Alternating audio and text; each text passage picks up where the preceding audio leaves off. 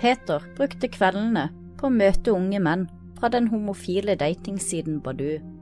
Men en kveld tar et av møtene en uventet vending, og Peter sitt liv ender i en tragisk brann.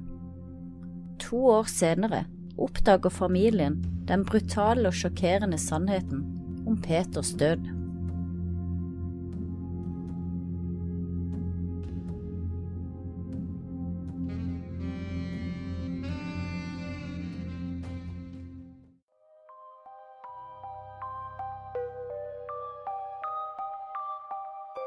Sett deg godt til rette med noe godt i koppen, og bli med inn i mord og mysteriers verden.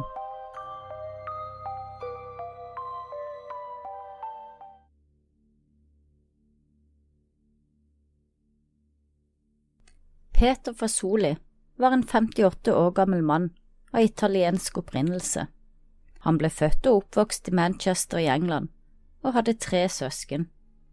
Her bodde han frem til han var 58 år. Da flyttet han til en liten leilighet i Nordtolt, Vest-London. Hans arbeid bestod i å reparere datamaskiner. Helt siden han var liten, hadde Peter elsket alt som hadde med elektronikk å gjøre, og det var ikke en ting han ikke klarte å fikse. Han levde med en hjertefeil, men var likevel en storrøyker. Han bodde alene, hadde aldri vært gift og hadde ingen barn. Han levde ellers et beskjedent og rolig liv. Han var godt likt av naboene, og alle beskrev ham som en utrolig snill og hjelpsom mann som alltid stilte opp for andre, og som alltid hjalp til om han kunne. Peter var også homofil, men dette var ikke noe han snakket høyt om, og ingen i familien visste at Peter brukte kveldene til å surfe på den homofile datingsiden Badoo og møte yngre menn for sex og rollelek. I januar 2013 så døde Peter, ikke av hjertefeilen, men i en tragisk brann som oppsto i den lille overfylte leiligheten hans. Da brannmennene ankom, var Peter allerede død, og politiets etterforskning konkluderte med at en feil ved lyspæren var årsaken til brannen. Familien var i sorg over å ha mistet deres kjære bror og onkel til en tragisk brann.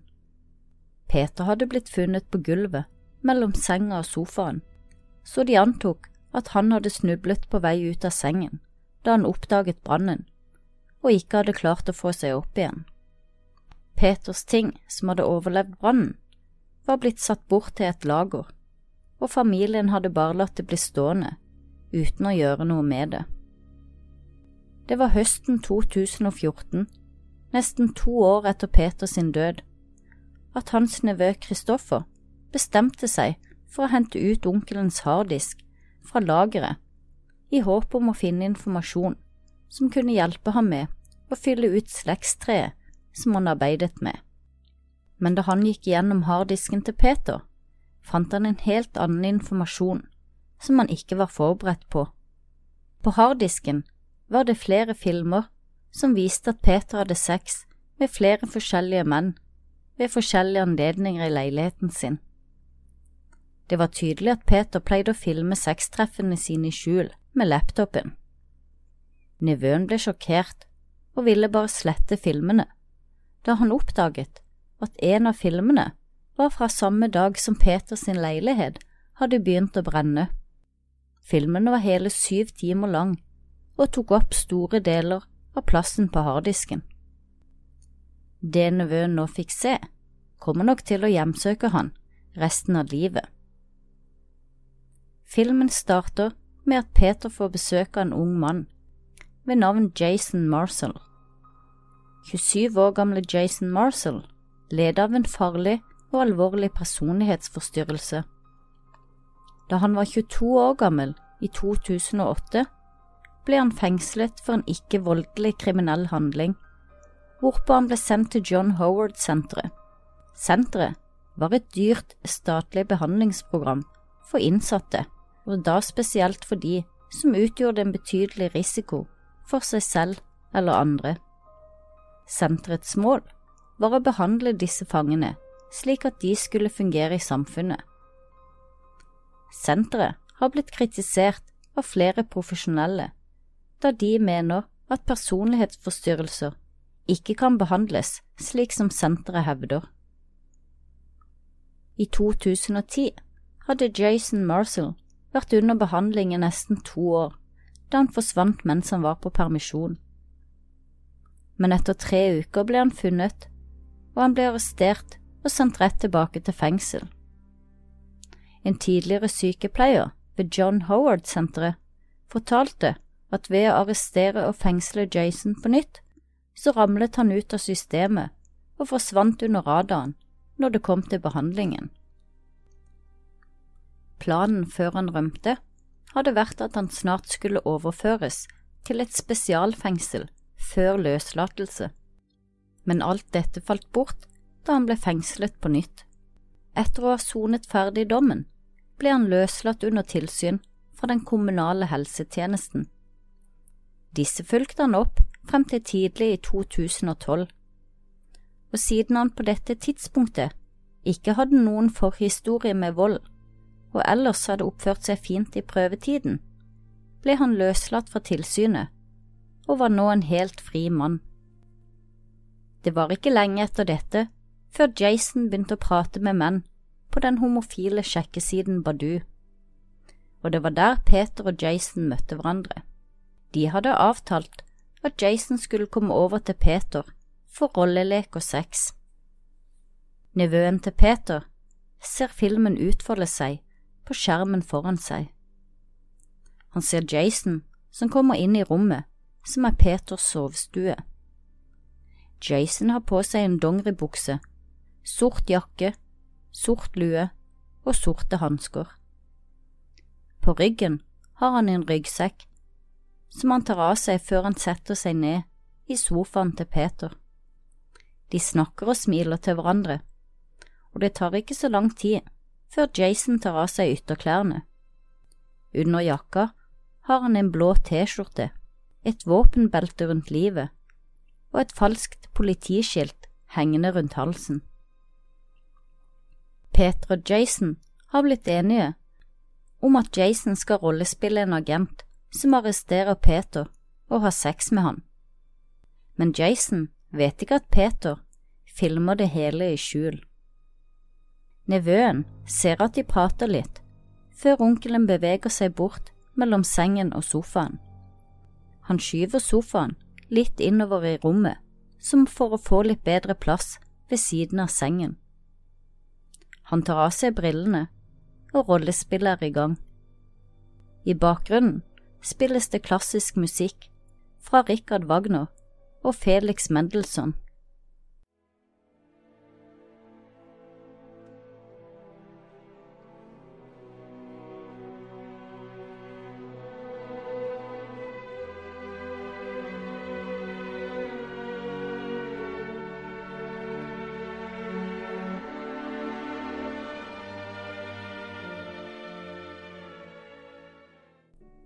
Men det som begynte som et samtykkende rollespill, skal snart ta en uventet vending. Jason spiller agent, slik de har avtalt på forhånd, og han arresterer Peter mens han oppfordrer ham til å kle seg naken, og Peter adlyder. Peter går også med på å bli bakbundet med hender og føtter på ryggen, liggende på magen. Det er tydelig at Peter er med på leken, frem til det er like tydelig at han ønsker at leken skal stanse. Men Jason har andre planer. Jason kom ikke dit for å kose seg og ha sex. Han er der av helt andre grunner, og har ingen planer om å stanse sin sadistiske lek. I stedet for å stanse leken når Peter ber om det, tar Jason fram en sprøyte og sprøyter et ukjent stoff i Peter antageligvis et beroligende middel. Deretter tar han en pute og legger over ansiktet til Peter. Peter er sikker på at han nå blir drept, da Jason like plutselig fjerner puten og han kan igjen puste. Jason drar så frem en kniv og truer Peter til å gi fra seg PIN-koden på bankkortet. Han truer med å drepe Peter, og han truer med å kutte av tungen hans om han ikke får PIN-koden. Etter dette misbruker og torturerer Jason ham, før han nok en gang doper Peter ned, og så forlater han leiligheten med Peter fremdeles bakbundet, liggende på gulvet, mellom senga og sofaen, ute av stand til å røre seg. Jason forsvinner ut og gjør en rekke innkjøp, før han returnerer tilbake til leiligheten hvor Peter ligger, uten å ane hva som venter ham. Hele tiden, selv når Peter ligger bevisstløs på gulvet, så er Jason i karakter som politiagent. Han later som han ringer etter hjelp, og prater inn i den falske politiradioen. Etter hvert drar Jason fram en rull med Gladpakk, som han bruker til å surre rundt ansiktet til Peter, som nå skriker og ber for livet sitt. Men Jason surrer til Peter blir slapp i kroppen. Og mens Peter ligger døende på gulvet, setter Jason seg rolig ned i sofaen og røyker seg en sigarett. Først etter sigaretten går Jason ut av karakter, og du ser han begynner å rydde og vaske ting han har tatt på. Han trekker opp i do i flere ganger, som for å fjerne mest mulig spor etter seg selv. Deretter stjeler Jason 8000 kroner fra Peters leilighet, før han heller ut en brennbar væske i leiligheten og tenner på. Rett før han setter fyr, ber Jason en latinsk bønn og tegner korset med fingrene over brystet. Obduksjonen viste senere at Peter hadde røyk i lungene, hvilket betyr at han ikke var helt død da Jason satte fyr på leiligheten hans. Etter drapet på Peter flykter Jason til Italia. Her fortsetter han å møte menn via Badu, og bare fire uker etter drapet på Peter dreper Jason nok en mann. Denne gangen 67 år gamle Vincenzo Lala. Vincenzo ble funnet i leiligheten sin da han ikke hadde møtt til avtalte møter på en uke. Han ble funnet med et tau rundt halsen, og bankkort og kontanter var stjålet. De kunne se at Vincenzo hadde blitt torturert, men de fant ingen tegn til innbrudd. Dette ledet politiet til mistanken om at Vincenzo kjente eller frivillig hadde sluppet inn morderen. Politiet gjennomsøker Vincenzo sin datamaskin, e-poster og telefon, og de oppdager at den siste personen Vincenzo hadde vært i kontakt med på telefon, var en 27 år gammel mann ved navnet Jason Marshall. De oppdaget raskt at han også hadde brukt offerets minibankkort og var fanget på bankens overvåkningskamera. Politiet satte straks Jason under overvåkning. De trengte litt mer bevis for å kunne arrestere ham for drapet. Politiet følger etter Jason, som reiser til en leilighet i en liten by i Italia. De har sittet utenfor og ventet i fire timer, da det er vaktskifte for politiet, slik at de må forlate stedet, og Jason er nå uten overvåkning. To timer senere våkner naboene til leiligheten av noen høye dødsskrik og ringer politiet, som kommer raskt til stedet.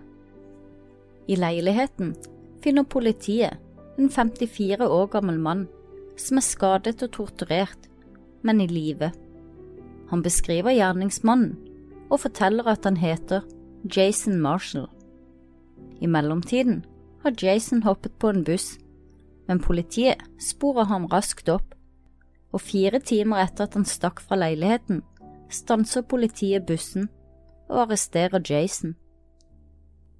Under ransakingen av Jason finner politiet flere forskjellige ting som han har brukt til å framstille seg selv som politiagent og ambassadør, blant annet en politikølle, en falsk pistol og et falskt skilt fra den britiske ambassaden. Jason sa til etterforskerne at han hadde diplomatisk immunitet fordi han arbeidet for den britiske ambassaden i Roma. Men da politiet undersøkte bakgrunnen hans, oppdaget de raskt at dette ikke stemte. Politiet hadde også beslaglagt flere ting fra Jason som tilhørte ofrene. Blant annet fant de en fjernkontroll med en nøkkel på, som viste seg å tilhøre porten inn til hjemmet der Vincenzo bodde. Jason ble arrestert og siktet for drap og drapsforsøk. Italienske rettspsykiatere konkluderte med at Jason led av psykoser, desillusjoner, hadde aspergers og personlighetsforstyrrelser.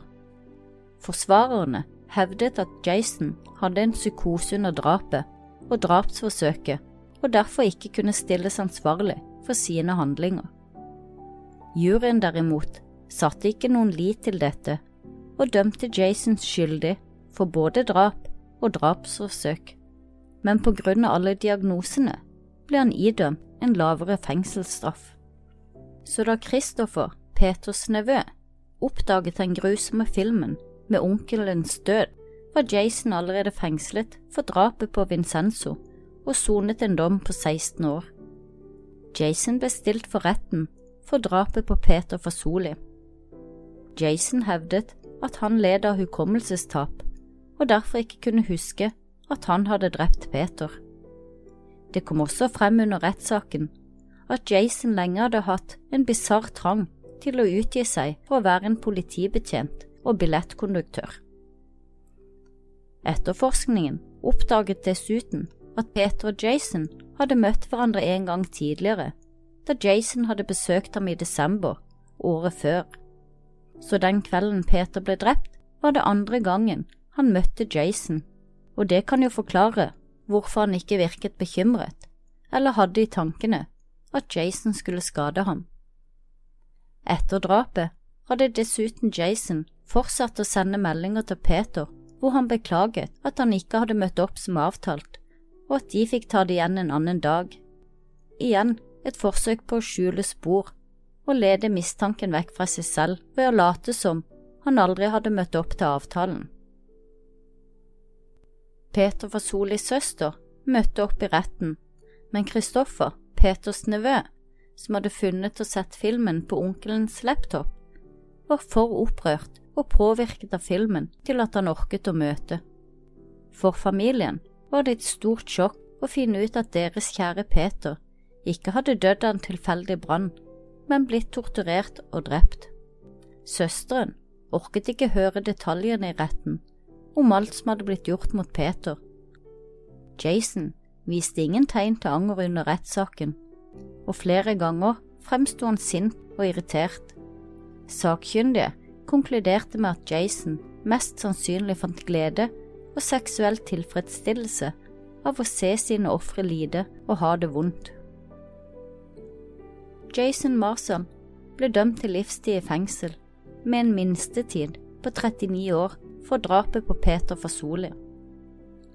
Dommeren i saken, Nicholas Hilliard, uttalte at Jason torturerte sine sårbare ofre for seksuell nytelse og beskrev Jason som en sadist.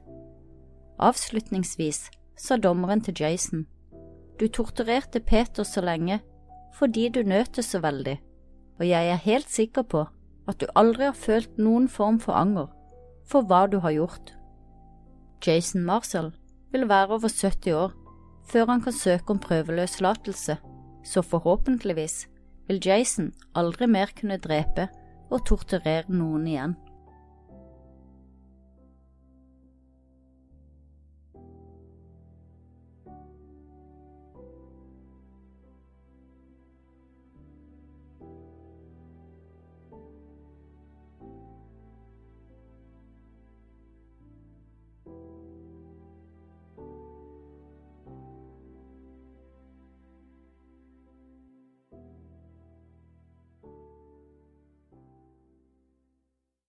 Har du et enkeltpersonforetak eller en liten bedrift? Da er du sikkert lei av å høre meg snakke om hvor enkelt det er med kvitteringer og bilag i fiken, så vi eh, gir oss her, vi. Fordi vi liker enkelt. Fiken superenkelt regnskap.